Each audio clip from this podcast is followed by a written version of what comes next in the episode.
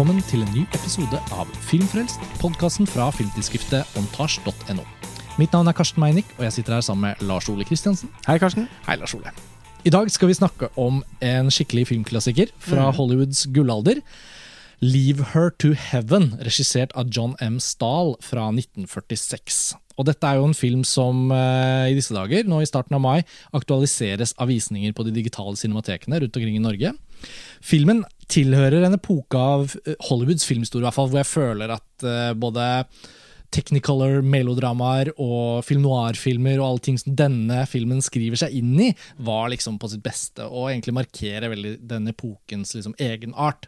Hvis man ser bort fra de mer sånn episke, storslåtte filmene, så fins det mange i kategorien til denne filmen som jeg har veldig sansen for, men Lever to Heaven har jeg aldri sett før nå. Jeg har akkurat sett den for første gang i forbindelse med at vi skal snakke om dette. Og jeg vet ikke hvorfor helt den har liksom gått under radaren for meg, men det må ha litt med regissøren å gjøre òg. For John M. Stahl er jo ikke en sånn autør fra denne perioden som man hører ofte om filmene til. og Altså, Inngangen til å bli kjent med John M. Stahl er jo ofte gjennom Douglas Sirk, fordi John M. Stahl laget originalversjonen av uh, Imitation uh, of Life og um, uh, Magnificent Obsession. Magnificent Obsession. og Leave Her to Heaven, som nok tross alt er hans mest kjente film, er jo Den har jo også noen veldig sånn sterk Eller noen Douglas Sirk-aktige trekk. Det skal vi komme tilbake til Ja. når vi skal på en måte forsøke å eh, plassere denne filmen her i et sjangerlandskap eh, etterpå. Mm. Cinematekene beskriver den helt sånn eh, Altså, de er veldig Eller de kategoriserer den som en film noir. Mm. Eh, jeg opplever at den Selvfølgelig til dels er det, men at eh, den i alle fall ikke er en helt tradisjonell noir-film. En annen ting som man eh, som kan lede som, som sikkert har ledet mange i retning Leave Her to Heaven, i alle fall meg, da jeg så den for første gang for ganske mange år siden og elsket den, eh, det er at den er en av Pedro Almodovars absolutte favorittfilmer. Så når man er stor Almodovar-fan, Mm. så eh, blir man jo veldig nysgjerrig på hva Almodovar kan ha hentet fra denne filmen, som han i utallige sammenhenger har løftet fram. Det er også en av Martin Scorsese sine favorittfilmer fra den perioden eh, i Hollywood. Så den, eh, den er jo i og for seg litt en sånn Jeg har alltid opplevd sånn utenfra på en måte at det er en litt sånn en kultfilm. Mm. Eh, snarere enn en sånn tradisjonell klassiker. Når det er sagt, så var det en kjempesuksess eh, da den hadde premiere og i månedsvis etterpå, og den vant en Oscar for beste foto. Mm. Eh, Fargefoto. Fargefoto. Det skal vi også komme nærmere inn på. Eh, så, og, og var anerkjent av kritikere. Så, så det er ikke noe sånn uh, Douglas Sirk sine filmer, eksempel, ble jo, som også hovedsakelig er å anse som, i hvert fall mange av de, som kultfilmer. Mm. Uh, fordi de i sin samtid ble liksom tatt litt med tang av, av kritikerne og avvist som women's films, og fordi da ble jo det brukt som et litt sånn degraderende uttrykk. Eh, men, men, men, men en sånn type mottagelse, som f.eks. rammet All the Temple House og sånn, rammet ikke denne filmen. Mm. Eh, så men, men ja. John. M. Stahl er, er nok uansett da en, en regissør relativt få har et nært forhold til. Ja, og han, han gikk bort i 1950, så 'Liver to Heaven var jo da en av hans tre-fire siste filmer. Han, hvis man ser på filmografien hans, så ser man at han laget omtrent en film i året. Jeg har ikke egentlig sett noen av de andre filmene hans heller, så jeg, for meg var jo også dette en anledning, en morsom anledning. Og jeg føler alltid det er gøy å gripe de når det kommer en mulighet til å stikke fingeren inn på et spesifikt sted i filmhistorien og si nå skal jeg se akkurat denne. La oss se hva den har å by på. Og veien min egentlig inn, i den var jo da Gene Turney, som spiller hovedrollen, som er så utrolig bra i Otto Premingers Laura. Og uh, er, gjør en veldig fin figur i Jules Dassins Night and the City. Uh, og hun var jo også en sånn Hun var med i ganske mange Otto Preminger-filmer. Ser ut som de hadde et ganske nært forhold. Og så er Jean Tierneys skjebne veldig sånn tragisk, da, for hun, hun, fikk en, eh, hun fikk et sammenbrudd, eh, tror jeg det var på 60-tallet, hvis jeg husker rett, eh, og, og forsvant liksom litt fra radaren. Og hun levde til 1991 og ble 71 år gammel. Men på en måte Hun fikk eh, barn som hadde en del utfordringer. ja, hun, hun, hun, hadde noe sy Jeg leste at hun hadde hatt en eh, alvorlig sykdom under graviditeten som ledet til at hun fikk et eh, barn som ikke kunne kunne leve et ordentlig liv. Altså det var, om det var noe hjerneskade, eller jeg husker ikke. Men det, det, jeg tenker ofte på det i en viss del av filmhistorien som føles så lenge siden at det på en måte er gamle dager. Uh, og, og, og, det skal vi også komme inn på. Den filmen ser og høres gammel ut. Den har, sånn, den har ikke noen sånne realistiske elementer i, i den konkrete iscenesettelsen og sånn. Så kan vi komme mer tilbake til det psykologiske. men i hvert fall så føler jeg Gene Tierney er da en sånn skuespiller fra denne tidsalderen som, som, har, som bare gløder. Hun har fantastisk utstråling, utrolig vakker, kjempegod til å spille den der litt sånn tvilsomme balansegangen som særlig i noir altså disse femme fatales, ikke sant, som uh, er en litt sånn arketyp, men som likevel Hun ja, grefser i seg alle scenene i den filmen. Ja, men forskjellen mellom den uh, karikerte femme fatale-gestalten mot de som klarer å spille den på, på knivseggbalansen som gjør at en overraskende vending i plottet faktisk fortsatt er overraskende. i motsetning til det. Så jeg bare syns Jean Tierney er en utrolig bra skuespillerinne, men så ser man også da, når man leser om livet hennes og ser på filmografien, så skjønner man at det var bare de få årene. Ikke sant? Og Da tenker jeg på Jan Seberg òg, eller hvordan man uttaler navnet hennes. Jeg trodde i starten at hun var liksom fransk også, men fra til siste åndedrag, det er Godard. Og hennes liv fikk også en tragisk skjebne. og akkurat i dette tilfellet når vi skulle snakke om denne filmen, så føler jeg at uh, det ble litt en vei inn for meg. At noen ganger så er det en skuespiller som av en eller annen grunn har en livshistorie som man også kjenner til. Og så tenker man åh, jeg burde jo egentlig se de få filmene hun rakk å lage, mm. hvis jeg først syns hun er veldig bra. da. Så nei, jeg syns 'Livet til Even' var en kjempebra film. Så bare for å starte der Ja, Det er jo helt tullete bra. Ja, altså, det bare Plottet i filmen er Du kan jo fortelle kan kort, hva den eh, handler om. Men vi har også sagt oss enige om at uh, vi må nesten snakke om denne filmen i sin helhet. Så hvis noen av lytterne har veldig lyst til å litt, se Ja, for det er litt for vanskelig å si, kunne si noe som helst om den uten, uten å, å diskutere til dels spoile litt. Ja, men jeg tenker, la oss bare slappe av. Det blir spoilere, på en måte. Fordi de mest hårsåre de kommer jo ikke til å ønske å høre hvordan denne handlingen uh, utspiller seg, fordi de har lyst til å se filmen. Ja. Men hvis dere tenker jeg har bare lyst til å lære litt om hva slags film dette var, og uten å nødvendigvis se den først, så kan dere bare høre. For det er jo ikke så farlig. Nei. Tross alt. Ja. Ok, Men Liver to Heaven har da en veldig sterk kvinnelig hovedperson. Har på en måte litt sånn to hovedpersoner. Kanskje teknisk så er det han uh, Richard som er hovedpersonen, men når man har sett filmen og opplevd dens uh, forskjellige um, følelsesmessige vendinger, så føler jeg at det er henne som liksom står igjen som den klare personen man faktisk har fått litt innsikt i. da. Og hun gjør jo noen utrolige livsvalg, får vi si. Men hun, dette er i hvert fall Ellen, og hun um, hun er del av en, det som oppleves som en ganske sånn fornem familie, som vi etter hvert blir kjent med. Men, men, filmen starter på mange måter med at det er tilfeldig møte på et tog mellom en mann og en kvinne. og Hun sitter og leser en bok, og vi ser eh, på ham og på bokomslaget at han er forfatteren av den boken. Og deres på en måte flørt den scenen hvor de blir kjent, er bare sånn fantastisk gammeldags, men også herlig i sin lek med ord. Og den var helt vidunderlig De tester scene. hverandre. Hun har en skikkelig ryggrad. Hun er ikke sånn Snytt ut av en Almodovar-film. Ja, nettopp. ikke sant? Så Det er bare så fantastisk. Og det er jo på en måte ikke filmens åpningsscene, men det er der historien åpner. Filmens åpningsscene er jo da uh, et uh, Altså, det er på en måte et nåtidsplan, hvor man skjønner at man skal bli fortalt en historie om hva som skjedde. Med han Dick. Med han Dick, ja. Richard. Uh, og, så kom, og, så blir egentlig hele filmen fortalt i et tilbakeblikk. Da. Mm. Og det er jo en klassisk noir-fortellerstruktur. Det er mange eksempler på. Uh, men ikke bare innen film noir heller. Jeg, jeg, tenker jo ofte på Jeg blir ofte litt sånn oppglødd når jeg ser en film, og så skjønner jeg å, å det er sånn. Mm. Det er sånn det skal mm. gjøres. Og så liksom, Citizen Kane er jo også sånn. Altså, ja, ja, ja, så det er mange eksempler på det. Uh, ofte med sånn her, et sånt filter som de brukte i gamle dager, hvor det er litt sånn, sånn, sånn, det er sånn uh, dirrende vann, overflaten av vann, og så er det sånn Og så er vi tilbake noen år. I hvert fall. Det er grepet her. Og så Uh, følger vi jo egentlig det som i utgangspunktet er litt sånn en, en, kjærlighetshistorie. litt At de møtes, og man skjønner at det er en attraksjon, og så er det noen tilfeldige felles bekjentskaper, og så blir han med til dette huset hvor han også egentlig skulle. Han skal vel dit i utgangspunktet også. Han er forfatter, i hvert fall. Mm. Han skal skrive en ny bok. Uh, og så blir de kjent, og han blir jo veldig opptatt av henne. Før han også merker at hennes Hva nå enn hun vil ha, av det som skjer henne i livet. Om det er møte med ham, eller sin posisjon i familien, eller, eh, eller i, i, Hva skal man si? Hennes fremtidsønsker, drømmer om et liv. Det er det hele tiden hun som definerer hvor han skal bli. Så hvis hun vil ha noe, eller vil at noe skal skje, så får hun det til å skje.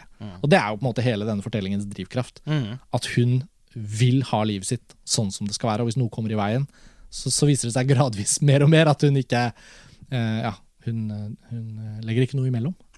Nei, altså hun er en amazing Amy. Eh, Ja.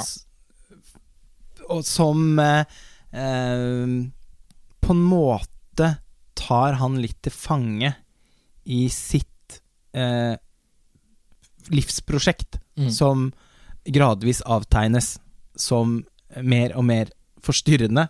Eh, og, og mer og mer morsomt og egentlig litt identifisere Altså, jeg syns jo det er interessant hvordan denne filmen her eh, Sett Sympatistruktur 2019-øyne. Ja, altså Sympatistrukturene er jo åpenbart på en måte sydd sånn at vi skal være på At, vi skal oppleve liksom denne fortellingen eh, på en måte som gjør at vi får sympati med Richard, eller Mm, Dick. Og hans skjebne, liksom. Mhm.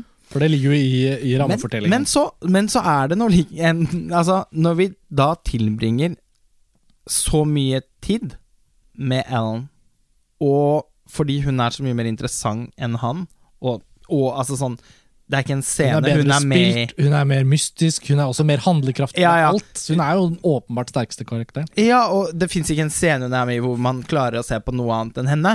Så eh, da blir det jo også Da, da skjer jo også det når vi får så mye tilgang til henne, Mm. så blir det jo dypest sånn at vi først uh, utvikler på en måte like mye sympati for henne som for han. Det blir en sånn fortelling hvor man må forholde seg til to sider av en sak, på en måte. Men så Jeg ender opp med å uh, Med å ta hennes parti, jeg, da. Fordi at egentlig, selv om historien her er ganske ellevill, Ja. så minner den mye om helt sånn virkelige situasjoner som vanlige mennesker havner i. Og vanlige mennesker, vanlige empatiske, fornuftige mennesker, velger jo å ikke ta de valgene som hun Altså, vi unngår jo å ta de valgene hun gjør, så, men som for de For mange eh, ville vært på en måte drømmevalgene, da. Ikke sant? At man Mm. kan sitte og dagdrømme om at liksom Åh, jeg skulle ønske den personen bare ikke fantes mer.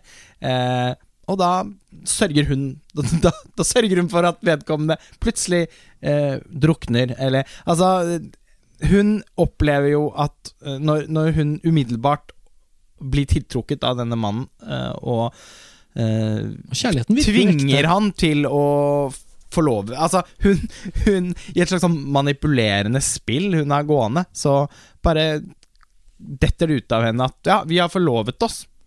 Og han er jo så betatt av henne at han bare blir med på leken.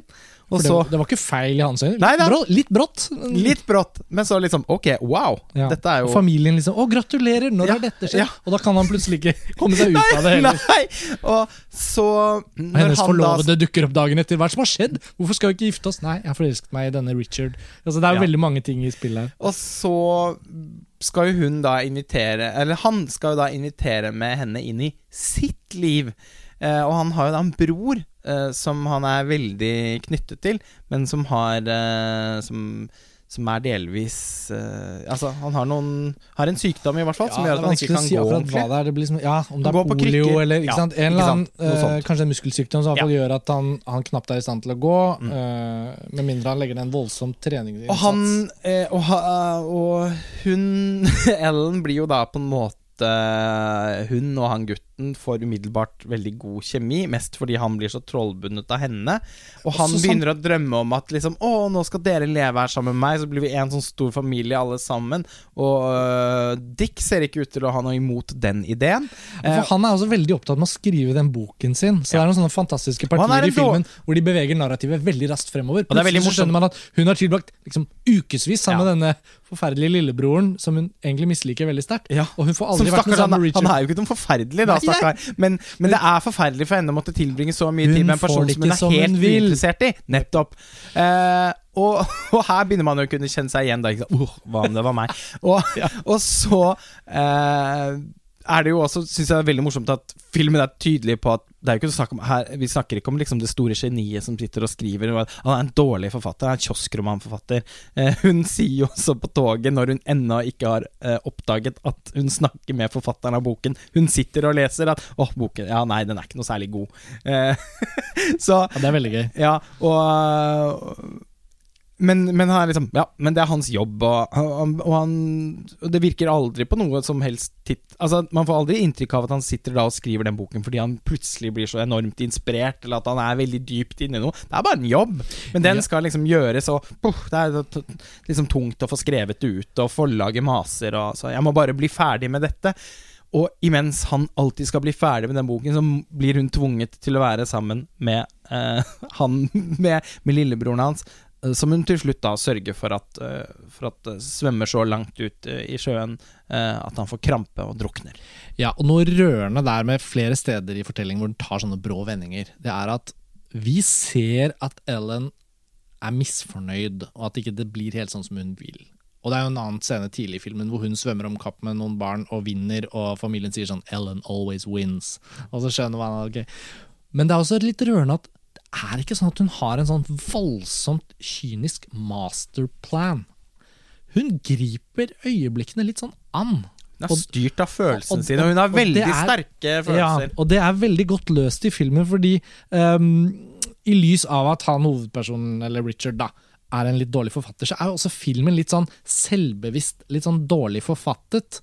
Uh, det er som om filmen også er klar over at det er litt tåpelig at vi nå bare skal få dette her greiene til å skje.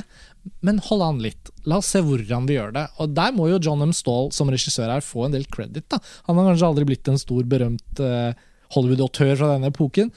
Men det er noen sekvenser her som er liksom fantastisk bra løst. Som jeg tenker på papiret ser ganske dårlig skrevet ut, men som egentlig er blitt utrolig bra som film. Blant annet da de sekvensene hvor hun tar noen sånne ganske drøye valg. Og det er flere av de, og denne svømmescenen er altså sånn de sitter de der med jo, solbrillene ja, i den lille roboten. Nettopp, det er det jeg skal frem til. De har et lite penselstrøk av ironi her. Ja, det er det.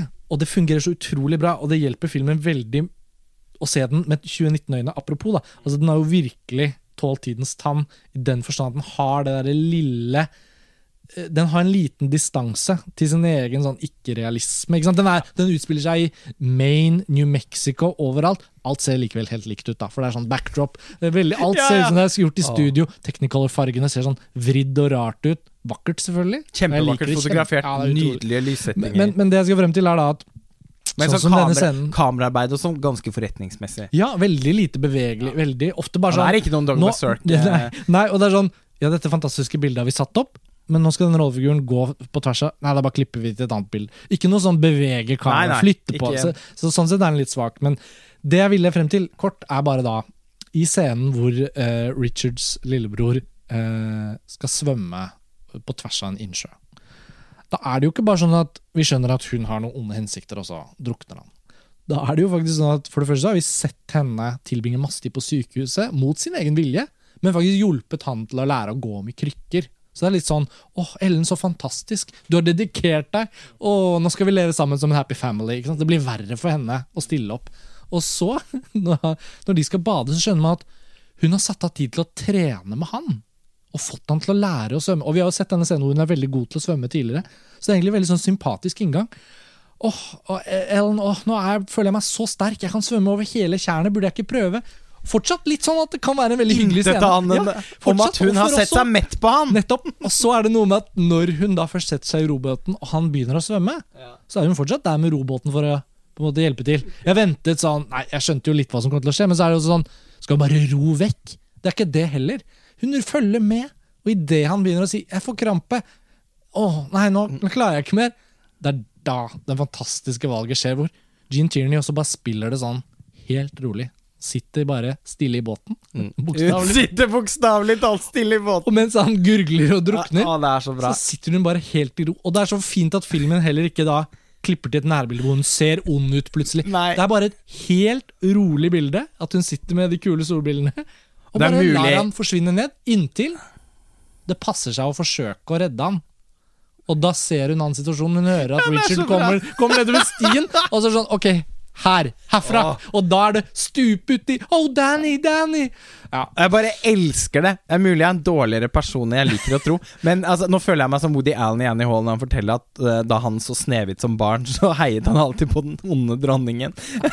men, men det går Altså, uh, det er så kostelig måten hun uh, gjør noen grep, da, Ja. for å forsøksvis eh, få mer tid med, eh, med Men altså, hun, hun ønsker jo å bli tilbedt, ikke sant? Og hun er jo i og for seg da vant til å være midtpunktet i veldig mange situasjoner. Hun er alltid midtpunktet for oss som ser på, Mm. men, eh, men hun håndterer jo ikke det Altså Hun utvikler en helt sånn sykelig grønn sjalusi overfor alle som måtte ta oppmerksomheten fra henne. Være seg om det er skrivemaskinen eller den, broren som hun kaller for en krøpling. Mm. Eh, eller søsteren sin, Mm. som da også Richard etter hvert eh, forelsker seg i. Hun er jo ja, også svimlende vakker og et mye sånn varere eh, vesen, som da ikke minst har mye mer til felles med han.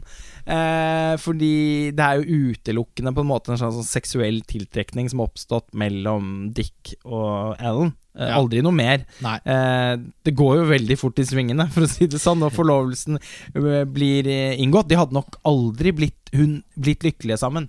Eh, altså, hun hadde nok heller ikke blitt lykkelig med han hvis hun fikk tilbringe 24 timer i døgnet Uh, Nei, med nei, det er litt doomed uansett. Ja, for det er, jo, jo- det er jo det, fordi de har så lite til felles. Eh, hun eh, blir gravid etter hvert. eh, Litt sånn med vilje òg. Litt sånn vilje, strategisk. Fordi at hun skal på en måte fange han uh, i, i det, Mm. men innser jo etter hvert at uh, det tross alt ikke var metoden hun egentlig hadde foretrukket. For det var så ubehagelig å være gravid. Ja, hun har blitt presset av søsteren sin til å bli Ja, og hun kaster seg utenfor trappen for å ja, Altså, det er jo eh, Også før det, hvor hun liksom på en måte innser hvor, hvor, hvor kjipt det er å gå og prøve å liksom skal, Må jeg ha denne babyen i ni måneder? Altså Det er noe så bortskjemt og sånn ja, bloggerjenteaktig ja, over hennes liksom misnøye med det Ja. livet. Hun har fått tildelt bor i fantastisk herskapshus. Når det er snakk om en shack ute i skogen, så er den jo som en villa på Bygdøy. Ja. Altså, alt i denne filmen er også sånn motstridende. Sånn, hæ? Ja, hun er ikke fornøyd? kjemperik. Nei, hun er ikke fornøyd.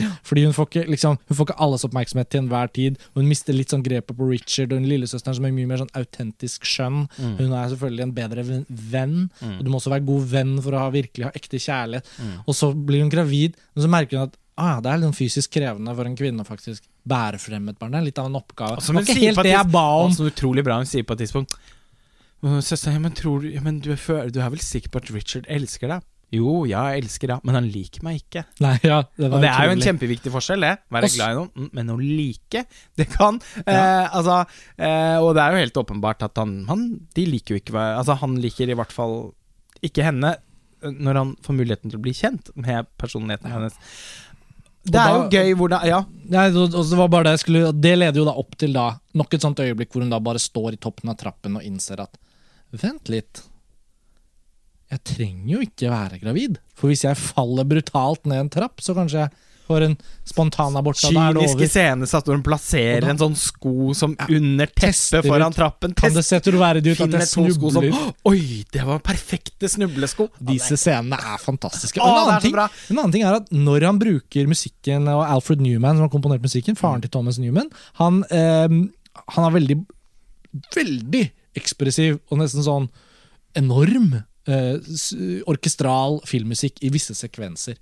Så i andre sekvenser så har de på en eller annen måte John Stahl her, da. Bare Vincent Nei, vent, vent. Ikke noe musikk her. Og det gjelder da blant annet for disse sekvensene, som den trappesekvensen er sånn påfallende. At det liksom plutselig ikke er musikk. For jeg tenker sånn, Det er jo nå det er sånn spenning, gammeldags Hollywood-musikk. sånn dør, dør, dør, dør. Men nei. Helt sånn stille, og hun bare legger denne lille planen sin, listige små nærbilder av sånn en sko, en fot, trappen, vinkler, og så skjer det. Og så er den ganske elliptisk, for da er det ofte sånn brudd, og så noen måneder senere. Ja, den hopper, Den hopper veldig sånn plutselig. plutselig. Og det er veldig effektivt. Og så etter hvert blir det arsenikk og flere dødsfall og Ja, rettssak. Jeg og- vil ikke ta alt, men Nei, eh, og den er også på en måte Den er sånn vidunderlig forutsigbar òg. Det går Mm. nesten hele tiden an å gjette seg fram til hva som skal skje. Det da er, vi så den her hjemme, så satt jo samboeren min og likte den kjempegodt, eh, og er jo ikke da faglig forpliktet til å sette seg inn i alle filmer hun ser. Nå, nå, nå vet du Nå gjør hun sånn og sånn. Ja, altså, sånn. Det var en sånn type filmopplevelse. Da. Jeg elsker jo den typen filmopplevelser, men man må liksom ha rett film. Og rett sånn lavskuldret inngang. sånn eh, Altså, den er jo vidunderlig i sin måte å på en måte være nesten komisk eh, konvensjonell på Mm. i sin slags subsjanger. Eh, og, og, og da, det leder oss tilbake til denne spørs, det spørsmålet som vi stilte innledningsvis. Altså, hvilken sjanger plasserer egentlig Lever to Heaven seg? Det er klart eh, man kan kategorisere den som en film noir. Altså det er flashback, eh, det er en femme Det er nok, det er nok Det er- bevis for det. Ikke sant? Men samtidig så er det ikke noe tvil om at den også veldig er en women's, women's film, som blir litt sånn subversiv etter hvert, altså sånn, og som blir noe helt annet. Men den, den har jo også noen trekk ved seg som som er veldig sånn Douglas Sirk-aktig. Den er også litt et melodrama, litt en såpeopera. Eh, og er, hun er ikke Å kalle henne for en femme fatale, det er også på en måte litt for enkelt, syns jeg. Jeg opplever Mm. den også Den er mer, kompleks, som en sånn eh, ja, og mer som en sånn Det man gjerne innenfor filmvitenskapen kaller for en monstrous feminine. Eh, som blant annet Barbara Creed har skrevet en fantastisk spennende bok om. Eh, altså om denne arketypen i et utvalg med filmer. Eh, og filmen er jo også av Altså, den hen... Altså, Ellen-karakteren vil jo også Altså, hun hun må- jo sies også være på en måte litt sånn da Litt problematisk. Eh, Det er typisk en sånn kvinnefigur som f.eks. Laura Mulvey ville hatt veldig store problemer med å svelge. Jeg kan ikke huske å ha lest noe hun har skrevet om Lever to Heaven. Det kan godt hende hun har gjort. Men som f.eks. Tanja Modeleski, eh, som jo eh, går i Laura Mulvey sine fotspor, men som har en Også filmviter. Ja. Eh, men som har en eh, men, men som har en annen type grunn Altså, hun, hun leser jo mange av disse eh, kvinnefigurene litt annerledes, da. Eh, og er spesielt kjent for sin, eh, sitt studie av Hitchcock, sine handlekraftige rollefigurer, som hun da forsøker å eh, på en måte vise at er med Altså eh, at at de ikke bare er resultatet av en litt sånn misogyn eh, visjon, men at de tross alt er veldig handlekraftige. At de er mer interessante enn mennene i, i, i, i filmene. At de egentlig også eh, ofte er ganske psykologisk komplekse. At det er de man som tilskuer identifiserer seg med. Eh, så eh, og, og det er en veldig sånn type rollefigur Ja, det er så- sånn. som vi Som Særlig eksempel, det med identifikasjon. Det er nesten Ja, det er ingenting som annet i filmen å identifisere seg med Nei. enn hennes eh, psykologiske og emosjonelle Og selv om hun da er mye mer Altså hun er mye mindre Hun er mye vanskeligere å få eh, eh, sympati for enn f.eks. Marnie, da. I Ja. Hitchcock sin film. Men, men hun er likevel litt i samme kategorien. Hun har Mm. tross alt mer av det psykologisk komplekse ved Marnie i seg enn en sånn tradisjonell noir uh, femme fatale-arketyp. Mm. Så eh, den ja, Filmen er på en måte Og den er jo Ja, jeg tenker vel så mye på Douglas Sirk, som nevnt, og Alfred Hitchcock, Ja. eh, som jeg tenker på film noir, i hvert fall, når jeg Ja. ser den. Og det er jo selvfølgelig da et stort kompliment til filmen, at den rommer alle disse tingene som du var innom i stad, som er veldig sånn eh, melodrama, women's film, eh, såkalt women's film, eh, film noir. Det er jo kategorier som vi forbinder veldig da med Hollywoods gullalder, med Mm. Hollywood på 40-tallet. Mm. Selvfølgelig melodrama, kvinnefilm og sånn, en- kanskje i enda større grad 50-tallet. Mm. Men den er jo også da litt sånn. Den staker ut litt sånn kursen Ja. for uh, For ikke minst Douglas Turk. Og- Og, det- altså fargebruken i seg selv mm. skaper jo noe av dette skillet, eller skal vi si broen mellom sjangere. For jo- man kommer jo ikke bort fra at technicolor-bruken her eh, Som er markant. Ja, scenografien, de, de totalt ikke-realistiske stedene. eh, rom som hvis de var ekte tredimensjonale rom, hvis rommet fortsatte bak kamera, mm. ville jo vært liksom, et helt enormt rom. Mm. Det er veldig mange sånne rare, sånne flate, merkelige Det blåser i masse malte blackdrops, utrolige fine scener når det blåser, for da blåser de alle objektene. Det er som om det er til orkan. Ja, ja. Så er det bare det er for jo- å understreke en psykologisk stemning. Ja, ikke sant? Og er den sånn- type Den måte å bruke bruke audiovisualitet for å uttrykke rollefigurenes tilstander på. Mm. Selvfølgelig også noe man forbinder med film noir, for all del, men det er jo når det, er- når det er så oppskrudd Ja. som her, så bringer det oss jo mer over i en sånn melodrama. Uh, Ja, og så vil jeg også si da at de beste med sånn ek tysk ekspresjonisme, monokrome kvaliteten i de beste film noirene, da, svart-hvitt med harde skygger og spennende liksom, ting. Folk løper nedover en, en, en, en bakgate, og du hører det klakker i sko. Altså alt det der. skygger som kastes Den kvaliteten får du jo ikke i denne filmen, Nei, fordi nei. den oppsøker ikke det formspråket. Altså, så den- så den la- altså, en hybrid. Den er ikke hardkokt. Nei, det kan sånn. si. altså, Den er bløtkokt. Men, men, den er veldig Og den er jo på, på en underlig måte også, liksom Uh, Men den er, den er ikke emotional. altså Emotional Følelse. Altså, den er du begynner ikke den, å gråte av vendingen. Nei, men den er, nei, men den, for den er ironisk følsom. Ja. Men den uh, Altså, Amazing Amy er jo faktisk Da du nevnte Amazing Amy her i stad, så tok vi det jo for gitt Fra at Gone lytterne Girl. skjønner at Ja. det er Gone Girl vi snakker om. Men jeg hadde ikke tenkt på Gone Girl fra jeg så Liver TV-en til du sa det nå. Men hvis vi skulle oppsummert med noe nå som episoden nærmer seg slutten, så er det jo faktisk det at Gone Girl Som altså er en helt fantastisk film. Ja, ja. Eh, Den er jo ikke mange år gammel, men jeg opplever den jo som en av de nesten snart litt sånn undervurdert fantastiske klassikerne fra vårt inneværende Ja, ja, det er vi Eh, hver gang jeg tenker på den filmen, så blir den bare ja, For meg er det sånn, virkelig en referansefilm. Ja. Og, jeg, altså, og man det er jo en, ganske er mange paralleller. Ja, ja, men det er nok ikke usannsynlig at seg Flynn har sett Bryr seg jo ikke om Ben eh, Affleck, liksom. Nei, nei, nei. nei, nei, nei. er det hans reise vi er på? Nei, men- Nei. Det er ganske mange paralleller her. Ja, det, det det er er klart, det, det, er jo, det var jo noe også Altså, Gone Girl ble også av enkelte kritisert da, for å være For å ha noen sånne litt sånn gammeldags misogyne trekk. Mm. Jeg det Jeg opplevde det som en underlig kritikk mot den filmen, fordi jeg syntes at ironien var så Ja, åpenbar. Eh, Sånn var det ikke for alle, da. Og, og, og sånn sett så er jo da eh, hvis, den skrev, hvis man da kan si at den skriver seg inn i en litt sånn problematisk tradisjon, så er jo det da en tradisjon som Leave Her to Heaven f.eks. har vært med på å skape. Eh, og men, men som sagt hun det er, Ellen er jo da ikke Hun er jo aldri et offer. Altså, hun er eh, Og hun er heller ikke, sånn som jeg ser det, da, ond.